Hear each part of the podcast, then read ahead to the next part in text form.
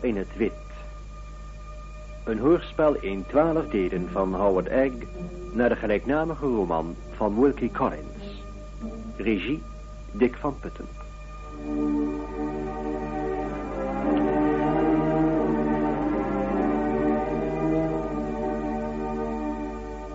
Eerste deel Limerick House.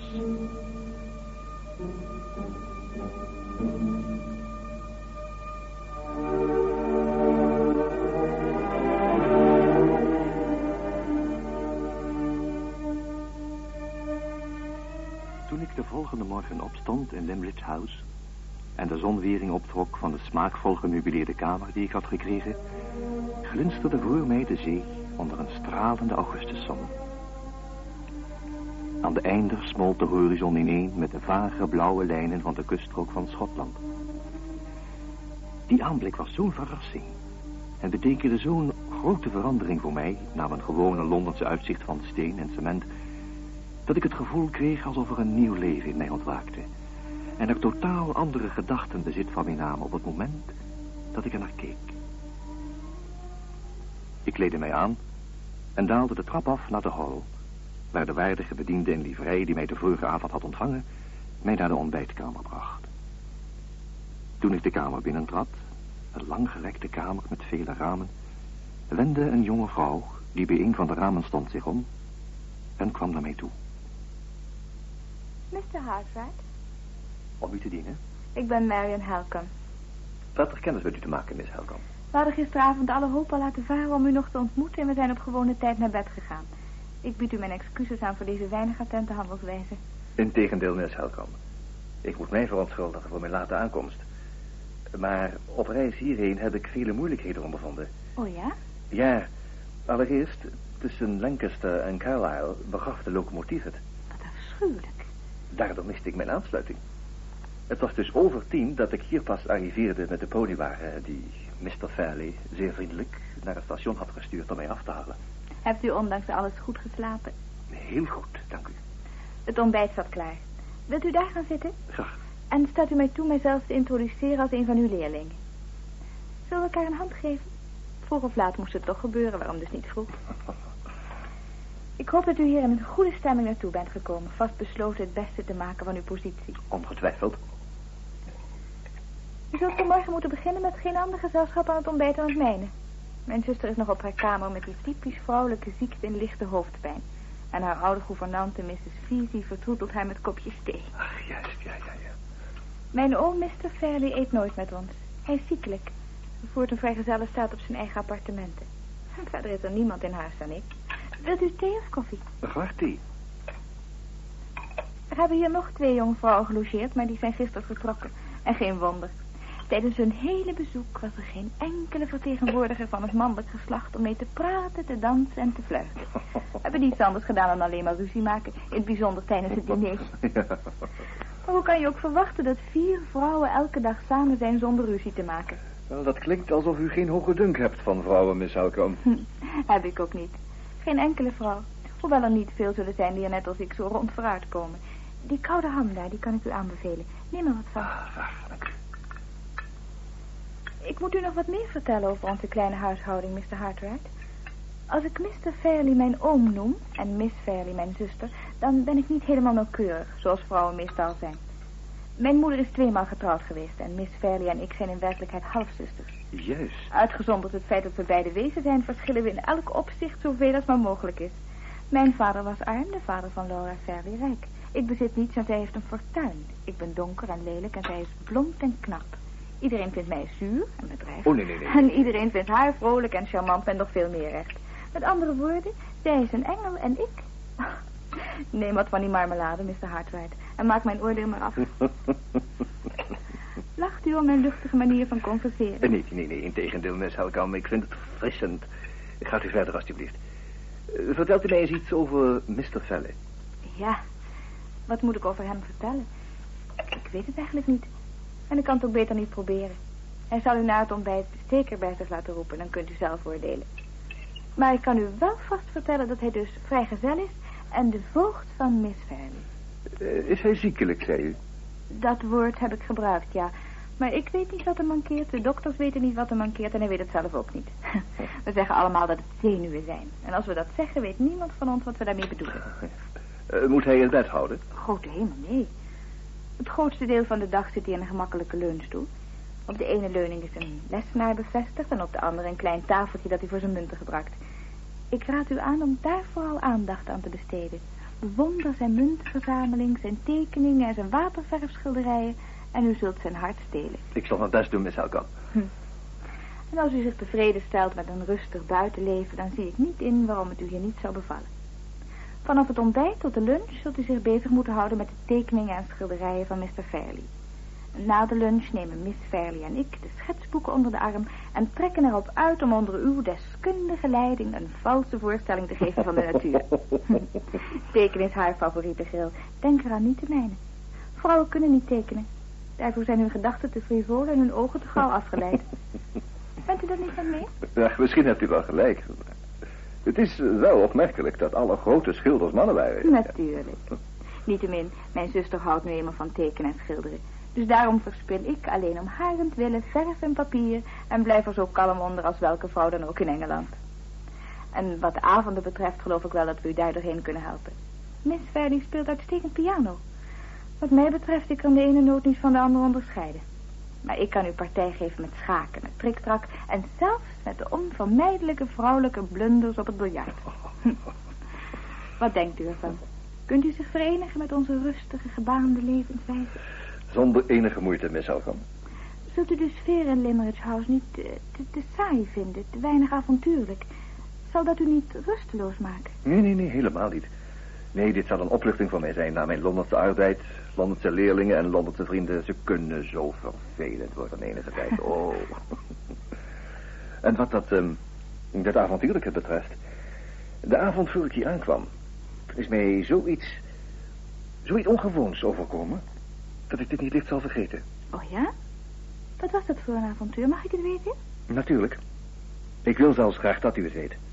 En wel om een heel bijzondere reden, Miss Halkamp. Gedurende de meest vreemde ontmoeting die ik ooit in mijn leven heb gehad... werd de naam van wijlen Mrs. Valley genoemd. Wat zegt u? De naam van mijn moeder? Ja, ja. U maakt mij nieuwsgierig. Vertelt u verder, alstublieft. Wel, voor ik twee avonden geleden Londen verliet...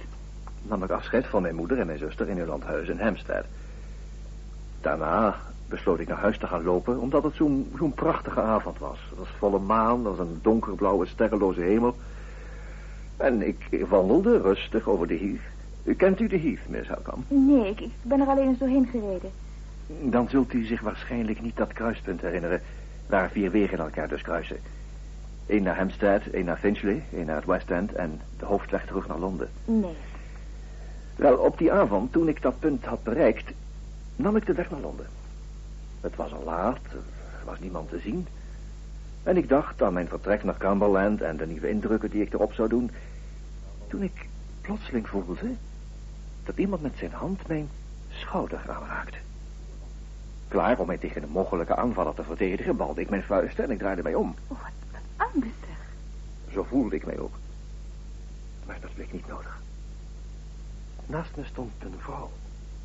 Een vrouw van top tot teen gekleed in het wit. Haar jurk, haar hoed, haar zaal, alles wit. Op die grote weg leek zij in het maanlicht een verschijning die plotseling ergens uit het niets was vandaan gekomen.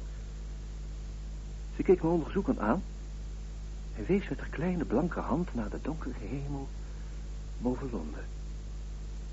Ze sprak, maar ik was zo verrast door haar aanwezigheid dat ik niet direct antwoordde. Hoort u mij niet? Ik vroeg u of dit de weg is naar Londen. Ja, ja, dat is de weg naar Londen. De St. John's Wood en Regent's Park. Neemt u me niet kwalijk dat ik u niet direct antwoord gaf. Ik was wat geschrokken. U denkt toch niet dat ik iets verkeerds wilde doen? Ik heb niets verkeerds gedaan. Ik, ik, heb een ongeluk gehad. Ik voel me erg ongelukkig hier zo laat alleen te zijn. Maar u vertrouwt me niet. Ik zie het aan uw gezicht. U vergist. Ik heb geen enkele reden om u niet te vertrouwen. Ik was alleen verbaasd door uw plotselinge verschijning, want nog maar kort daarvoor leek er niemand hier te zijn dan ik alleen. Ik heb uh, staan wachten. Uh, daar, achter die hagen. Daarom zag u mij niet. Ik hoorde u aankomen en ik verstopte me om te zien wat voor soort man u was... voor ik het zou wagen u aan te spreken. Ik was bang en ik bleef aarzelen tot u al voorbij was. Toen moest ik wel achter u aankomen en u aanraken. Kan ik u vertrouwen? U denkt toch niet slecht over mij omdat ik een ongeluk heb gehad? Ik wil u alleen maar helpen als ik dat kan. Zegt u mij dus maar op welke wijze ik dat kan doen. U bent erg vriendelijk. En ik ben heel dankbaar dat ik u heb ontmoet. Ik ben nog maar één keer in Londen geweest. Verder weet ik niets van. Kan ik daar een rijtuig krijgen of iets dergelijks? Of is het al te laat? Ik weet het niet. Als u mij kunt wijzen waar ik een rijtuig kan krijgen. En als u mij wilt beloven mij niet verder te volgen... en mij toe wilt staan u weer te verlaten waar en wanneer ik dat wil... Ik heb een vriendin in Londen die mij graag zal ontvangen. Anders verlang ik niet. Wilt u mij dat beloven? Wilt u dat beloven? Ik beloof het u. Oh, dank u. Laten we dan voortmaken, alstublieft. Mag ik u een arm geven? Natuurlijk. Dan voel ik me veilig. Hoe laat is het? Bijna één uur. Weet u zeker dat uw vriendin in Londen u op zo'n laat uur nog zal ontvangen? Oh ja, heel zeker. Ik wil u iets vragen. Kent u veel mensen in Londen? Nogal. Uh, ook mensen met titels? Enkel. Ook mensen met de titel baronet? Waarom vraagt u dat? Omdat ik voor mijn eigen best wil hoop dat er één baronet is die u niet kent. Oh, alstublieft, vraag me niet naar zijn naam. Die kan en die durf ik u niet te zeggen. Maar zeg me welke u wel kent. Ik ken geen enkele baronet. Hebt u soms zelf een titel? Oh, bewaar me. Nee, ik, uh, ik ben daar een gewone tekenleraar. Oh, dan kan ik u vertrouwen. Woont u in Londen? Ja, maar morgen ga ik het verlaten. Ik ga naar buiten. Waarheen? Naar het noorden of naar het zuiden? Het zuiden, naar Cumberland. Cumberland. Och, ik wou dat ik daar ook maar was. Eenmaal ben ik gelukkig geweest in Cumberland. Hoe bent u daar geboren? Uh, nee, ik ben geboren in Hampshire, maar ik ben korte tijd op school geweest in Cumberland. Ik zou weer zo graag Limerick en Limerick House terug willen zien. Uh, oh, en hoorde u dat ook? Uh, iemand die ons riep? Nee. U keek zo verschrikt. Wel, ik, ik was verbaasd door het toeval. Welk toeval? Uw opmerking over Limbridge House? Een, een paar dagen geleden hoorde ik erover praten door, door een paar mensen uit Cumberland. Oh, maar niet mijn mensen. Uw mensen? Mrs. Fairley is al lang dood. En haar man is dood. En de kleine meisje zal nu getrouwd zijn en ver weg. Ik weet niet wie er nu woont in Limerick House. Als er nog mensen zijn overgebleven van die naam, zal ik van ze houden. Door willen van Mrs. Fairley. Dat daar de tol? Ja, we zijn nu op de Avenue Road. Is de tolgaarder er? Kunt u hem zien? Nee, nee, nee. Er is niemand. Niemand om ons aan te spreken. Is dit Londen? Ja, het begin. Ziet u al een rijtuig dat ik kan nemen? Ik ben zo moe en zo angstig.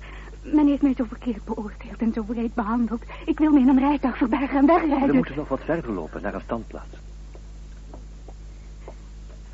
U zult nog vriendelijker voor mij zijn dan u al bent als u wat vlugger wilt lopen.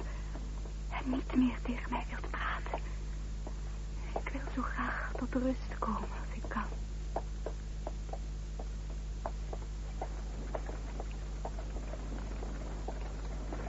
We hebben geluk. Daar komt een rijtuig. Is het niet bezet? Kan ik mee?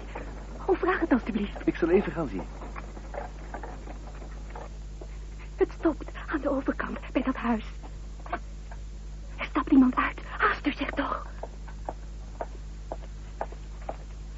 Ach, koetsier. Ja, sir. Kunt u een dame meenemen? Ik kan wel meenemen, sir, maar alleen als ze de kant uit gaat van Tottenham Een paard is vermoeid en ik krijg hem niet verder meer dan zijn stal. Ja, ja, dat is goed. Daar moet ik naartoe. Daar moet ik naartoe. Hm, dan zal ik u heel graag zover meenemen, ma'am. Zal ik niet meegaan en erop toezien dat u veilig uw bestemming bereikt? Nee, nee, nee. Ik voel me veilig en tevreden.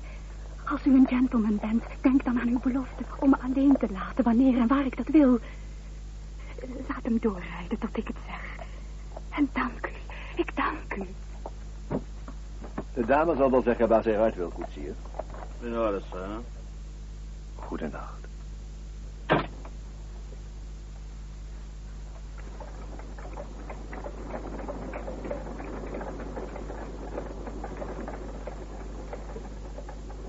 Ik bleef staan en ik zag hoe het rijtuig werd opgenomen door het duister van de weg. De vrouw in het wit was verdwenen. Wat een wonderlijke geschiedenis. Het was zo onwerkelijk dat ik een ogenblik nauwelijks geloven kon dat het was gebeurd. Ik liep in verbijstering verder. Ik had het onbehagelijke gevoel dat ik op een of andere manier verkeerd had gehandeld, maar ik wist niet wat ik anders had moeten doen. Ja, bleef u toch geen andere keus? Ja, daar was ik toen niet helemaal zeker van. Plotseling hoorde ik het geluid van een snel naderend rijtuig. Ik bevond mij aan de donkere kant van de weg in de schaduw van een paar bomen. Aan de overkant slenterde een politieagent in de richting van Regent's Park. Een open rijtuigje kwam naderbij. Met twee mannen erin. Een van hen riep de agent.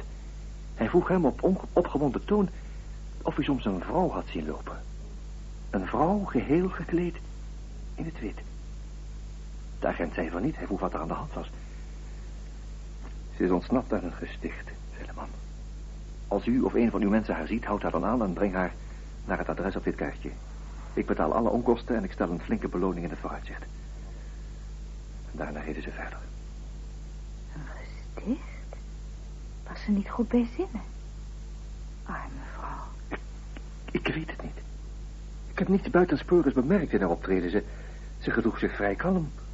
Maar ja, wat melancholiek misschien, wat argwanend, maar verder toch niets. De gedachte dat ze niet bij haar verstand zou zijn, dat is geen moment bij mij opgekomen. Zelfs nu vind ik het al moeilijk om dat te geloven. Maar hoe dan ook, ik was meer dan ooit verontrust over hetgeen ik had gedaan. Had ik een jonge ongelukkige vrouw alleen naar Londen laten gaan... terwijl het mijn plicht was geweest haar te beschermen? Ik vroeg me af waar ze uitgestapt zou zijn. Wat er van haar geworden was en of de mannen in dat rijtuig haar hadden gevonden en meegenomen. Ik geloof niet dat u zich verwijten hoeft te maken. U hebt haar de vrijheid gegeven. In dat opzicht hebt u juist gehandeld. Maar ik wilde wel dat ze had gezegd hoe ze heette. Dat, dat zou ons kunnen helpen. Ze sprak dus over mijn moeder en de leden van de familie.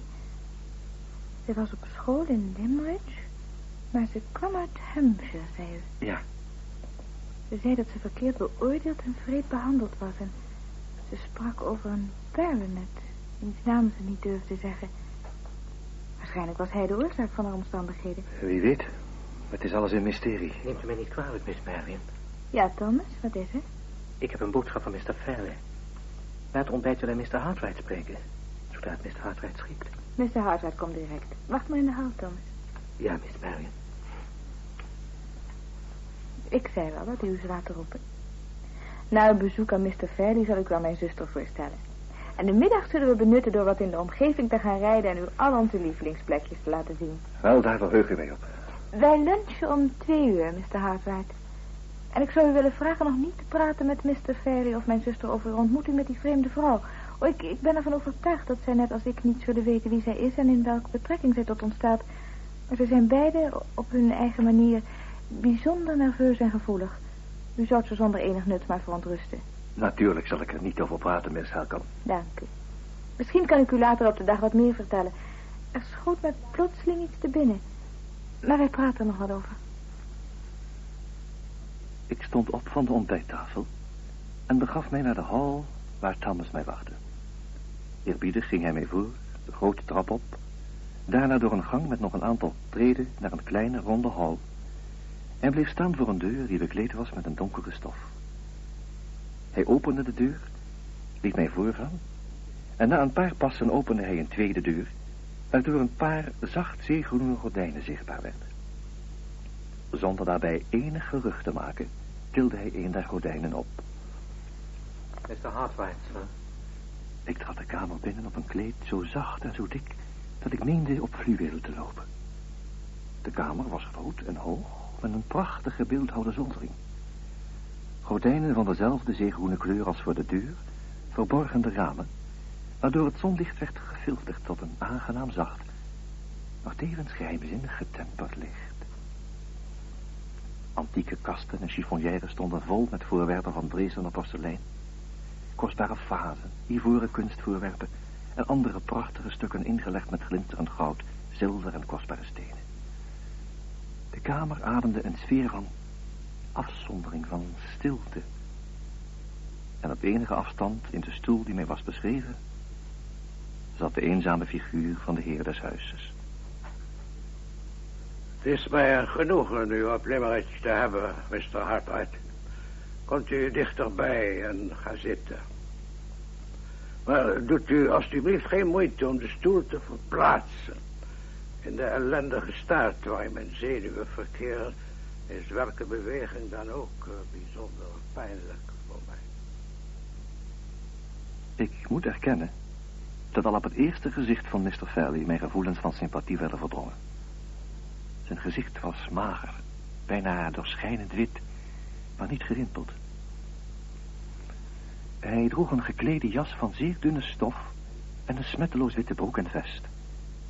Zijn voeten waren vrouwelijk klein en gestoken in zeemkleurige zijden sokken en kleine, vrouwelijke, bronslederen pantoffels.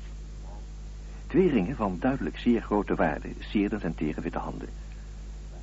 Zoals hij daar zat, maakte hij de indruk van een zwak, gemelijke en meer dan beschaafde man. Zegt u mij eens, Mr. Hartwright, hebt u uw atelier gezien? Is het naar genoegen?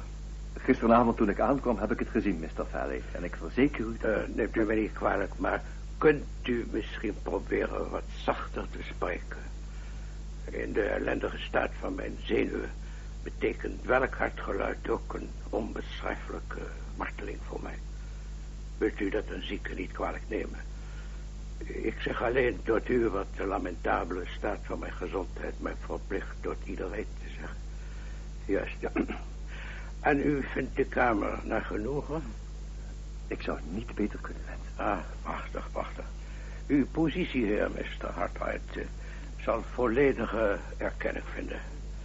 U zult hier in huis niets bespeuren van de verschrikkelijke Engelse barbaren gewond... om neer te kijken op de maatschappelijke positie van een kunstenaar. Ik heb zo'n groot deel van mijn leven in het buitenland doorgebracht... dat ik die bekrompen ideeën verwerpelijk vind. Ja, ik wou dat ik hetzelfde kon zeggen van de deftige lieden. Verfoeilijke benaming. Nou, ik moet die wel gebruiken, vrees ik. Van de deftige lieden hier in de omgeving. Wat de kunst betreft zijn het barbaren, Mr. Hartwright. Mensen die, uh, ik verzeker het u, in verbazing toegekeken zouden hebben... als ze hadden gezien dat Karel V de grote Titian een penseel aangaf. Ach, uh, wilt u deze la met munten uh, terugzetten in de kast... en mij die aangeven die ernaast staat? Met genoegen, Mr. Valley. Houdt u van munten? Heel veel, ja. Ah, mooi. Dan hebben wij nog iets gemeen. Behalve onze gevoelens voor kunst. En nu even over de financiële regeling tussen ons. Bent u daarover tevreden? Volkomen, Mr. Valley. Zijn dit de munten die u wilt hebben? Ja. Ja, dank u wel, ja. Oh, ik ben blij dat... Ach, ach, wilt u misschien even op de bel drukken? Daar achter u. Ja, ja. Ik moet Louis spreken, mijn bediende. Oh, erg vriendelijk van u. In de staat waarin mijn zenuwen verkeren... veroorzaakt welke inspanning dan ook mij groot ongemak. En de andere afspraak, Mr. Hartwright... heeft mijn vertegenwoordiger in Londen u die duidelijk uiteengezet? Heel duidelijk, Mr. Valley. Ik heb begrepen dat mijn taak hier een tweeledige is. Ten eerste om de beide jonge dames hier onderricht te geven... in de kunst van tekenen en schilderen met waterverf. En ten tweede Het verrichten van restauratiewerkzaamheden aan een verzameling kostbare tekeningen die door veronachtzaming in een verwaarloosde... Mijn verzameling, uh, meester Hartwright, maar niet mijn veronachtzaming. Ik heb het plan om de smaak van het barbaarse volk in deze streek te verbeteren. Door de verzameling cadeau te doen. Mogelijk kan het instituut in Carlisle. Een verschrikkelijke plaats. Ik heb ook begrepen dat ik aangenomen ben voor de tijd van tenminste vier maanden. Sir. Wat u moet zien als een minimumtijd, Mr. Hartwright. Dat verzeker ik u. En daarna zullen wij weer met elkaar praten. Had u mij nodig, sir? Ja, waarom zou ik je anders laten bellen? Zet die portefeuille weg. Deze, sir? Nee, idioot. Dat zijn mijn Rembrandt-etsen, Mr. Hartwright. Houdt u van etsen? Zeker. Oh, prachtig. Dan hebben we nog meer gemeen. Hè? De portefeuille met de rode rug, Louis. Zie je hem niet? Deze, sir? Ja, natuurlijk. Laat hem niet vallen. U hebt er geen idee van welke marteling ik zou ondergaan als Louis de portefeuille zou laten vallen, Mr. Hartwright. Ja, leg hem maar op de stoel. Nee, nee, niet die stoel, uitskruk. Die daar. Ligt hij daar veilig? Zeker, sir. Gelooft u dat ook, Mr. Hartwright? Ja dan, Mr. Valley. Oh, als u daar zeker van bent, dan zult u mij zeer verplichten de portefeuille te openen en de tekeningen eruit te halen. En Louis, uh, verdwijn. Jawel, sir. Kom hier. Sir. Zie je niet wat ik in mijn hand heb? Uw inventarislijst, sir. Ja, denk je dat ik die de hele morgen in mijn hand wil houden? U hebt mij niet gevraagd uw lijst. Gevraagd, gevraagd moet ik jou vragen om weg te nemen. Heb je geen ogen in je hoofd? Neem weg. En doe voorzichtig. Duizend excuses, uh, Mr. Hartwright. Ja, bedienden zijn zulke ezels, uh, vindt u ook niet? Ik zou het eigenlijk niet kunnen zeggen, Mr. Valley. Ik heb nooit een bediende gehad. Oh, is u daar dankbaar voor. Maar zeg eens, wat uh, denkt u van de tekeningen? Nou, ik heb ze in een verschrikkelijke staat van de veiling gekregen. Toen ik ze laatst bekeek, meende ik dat ze nog roken naar de vingers van die afgrijzelijke handelaars en makelaars. Maar uh, uh, kunt u ze weer in orde krijgen? Wel, ze, ze behoeven een zeer zorgvuldige behandeling, maar naar mijn mening geloof ik toch wel. Ja, maar neemt u mij niet kwalijk. Hebt u er bezwaar tegen dat ik mijn ogen sluit terwijl u tegen mij spreekt? Zelfs dit licht is mij nog te scherp. Ja, ik uh, wil zeggen dat de waarde van de tekeningen... alle tijd en moeite die eraan wordt besteed volkomen rechtvaardigt. Denkt u? En u gelooft dat u daartoe in staat bent? Dat ben ik, Mr. Valley. Oh, dat is een geruststelling. Is er verder nog iets te regelen? Ja, zo ja, dan uh, ben ik dat vergeten. Nog één ding, Mr. Valley. Het betreft het tekenonderwijs dat ik de beide jonge dames moest geven. Oh, ja, natuurlijk. Uh, Mr. Hartwright, natuurlijk, natuurlijk, ja. Ja, ik wilde dat ik sterk genoeg was om, om dat onderdeel van de overeenkomst zelf op mij te nemen. Maar dat ben ik niet, nee. De dames zullen van uw vriendelijke diensten gebruik maken. Ze moeten alles zelf maar regelen en uh, beslissen. Mijn nicht houdt erg veel van uw mooie kunst. Ze weet er net voldoende van om haar eigen tekortkomingen te beseffen. Besteed uw aandacht aan haar als u wilt, ja? Is dit alles? Ik geloof ervan, Mr. Ah, prachtig, prachtig.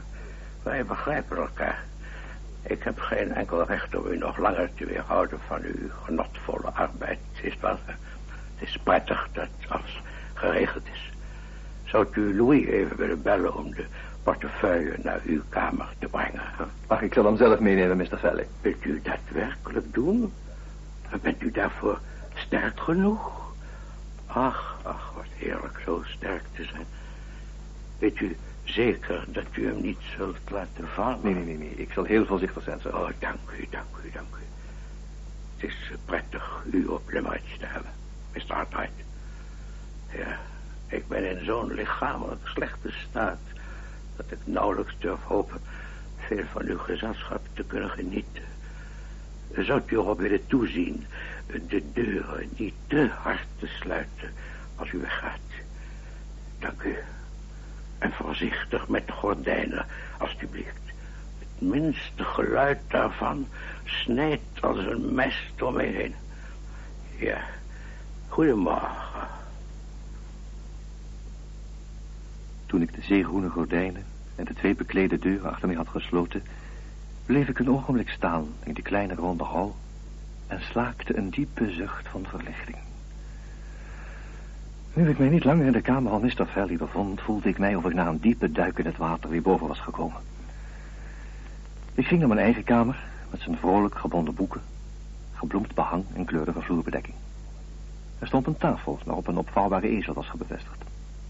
Ik werkte tot bijna lunchtijd. En voor het zoveel was, dwaalde ik wat in de tuin rond. Toen ik om wat heesters was heen gelopen, zag ik voor mij, gebouwd in een beschutte hoek, een houten zomerhuis in de vorm van een Zwitser chalet. En bij de deur, kijkende naar de zee en het moerasland, stond een jonge vrouw. Ik begreep dat zij Miss Fairley moest zijn. Ze droeg een eenvoudige mousseline jurk met lichtblauwe en witte strepen. Om haar schouders had zij een sjaal van dezelfde stof. Een kleine hoed van stro versierd met linten beschaduwde haar fijn en vriendelijk gezicht. In haar hand hield zij een schetsboek. Toen ik naderbij kwam, lachte zij en kwam naar mij toe. Mr. Hartwright? Miss Ferry, Ja? aangenaam kennis met u te maken. U moet me excuseren dat ik vanmorgen niet aan het ontbijt was. Maar ik ontwaakte met hoofdpijn. En ik besloot daarom op mijn kamer te blijven. Uw zuster heeft het mij verteld. Ik hoop dat u zich nu beter voelt. Veel beter, dank u. Het wandelen in de zon heeft me goed gedaan. Ik neem aan dat u mijn oom al heeft ontmoet. Eh, ja, Hoe was hij vanmorgen? Erg nerveus? wel, dat is voor mij erg moeilijk te beoordelen, Miss Valley, omdat ik hem natuurlijk ken. Natuurlijk. Maar ik zie aan uw gezicht dat hij het wel was. Arme Louis. Dus heb ik niet het genoegen mogen hebben jullie aan elkaar voor te stellen. Marion! Je hebt mijn hulp niet nodig gehad. Ik zat wat uit te rusten in het zomerhuis en toen ontdekte Mr. Hartwright mij. En met je schetsboek zie ik. Gelooft u mij, Mr. Hartwright, u hebt een ideale leerling gevonden. Op het moment dat ze hoorde dat u in huis was, greep ze haar schetsboek, blikte de allesomvattende natuur midden in het gezicht en trappelde van verlangen op. De waarheid is dat ik meer bang ben dan verlangend om te beginnen. Bang, Miss Valley. Nu ik weet dat u hier bent, kijkt met angst naar mijn tekeningen. Ik geloof nooit dat ze goed genoeg zijn om ze u te laten zien. Ik ben me heel goed bewust van mijn tekortkomingen. Hm. Goed, slecht of middelmatig, het werk van de leerling zal aan het strenge oordeel van de meester worden onderworpen. Maar ongetwijfeld zal Mr. Hartwright mild zijn en zowel kritiek als complimenten geven. Ik hoop niet dat u mij complimenten zal geven. Mag ik vragen waarom, Miss Valley? Om, omdat ik alles zal geloven wat u mij zegt. En hiermee, Mr. Hartwright, krijgt u onbewust de sleutel in handen van mijn zusters karakter. Haar volkomen en onwankelbaar vertrouwen in anderen. Wat een verschil met het mijne. Onzin, Marion. Jij hebt ook vertrouwen in de mensen. Met een zekere reserve, liefje. Nooit met jouw grote oprechtheid. Ik heb niet jouw instelling. Ik kan hard zijn, wist je dat niet? Krachtig bedoel je. Ik ben zwak jij bent sterk. Hm. Mr. Hartwright zal bepalen wat daarvan waar is. Maar niet nu. De lunch staat klaar. Dan zal ik mijn parasol halen. Staat u mij toe, Miss Valley? Oh, dank u, ik weet waar ik hem heb gelaten. Ik ben zo terug.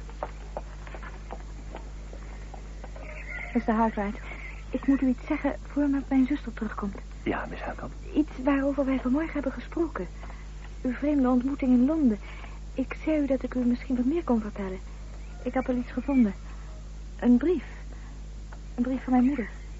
Over de vrouw in het wit? Ja, er bestaat geen twijfel dat dat op haar slaat. Die brief zal ik u later laten zien. Ik ben er wel door in verwarring geraakt. Waarom, Miss Helkamp? De schaduw van dat ongelukkige schepsel heeft ons aangeraakt. Net als haar hand uw schouder aanraakte in het maanlicht op die verlaten weg. Een aanraking, Mr. Hartwright, die profetisch kan zijn. Op welke manier, Miss Helkamp? Het wijst misschien op de toekomst. Misschien zal het ons uiteindelijk allemaal betrekken in haar huidige rampspoed. Meer kan ik niet zeggen, dat komt mijn zuster. In de stralende zon wandelden wij terug naar het huis. Ik had er toen nog geen idee van. Hoe spoedig ik alle reden zou hebben om mij de woorden van Miss Helcom te herinneren. En haar vrees zou delen dat de schaduw van de vrouw in het wit en de verschrikkelijke geschiedenis die haar omhulde onze levens voortaan zal verduisteren. en in gevaar brengen.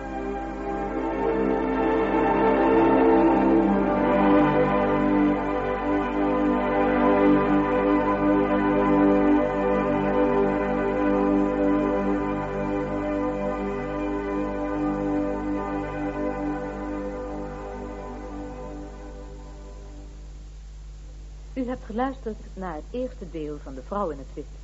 Een hoorspelserie in twaalf delen geschreven door Wilkie Collins. De rolverdeling was als volgt. Anne, Els Buitendijk. Laura, Irene Poorter. Walter, Jan Borkus. Frederick, Louis de Bree. Thomas, Harry Bronk. Een koetsier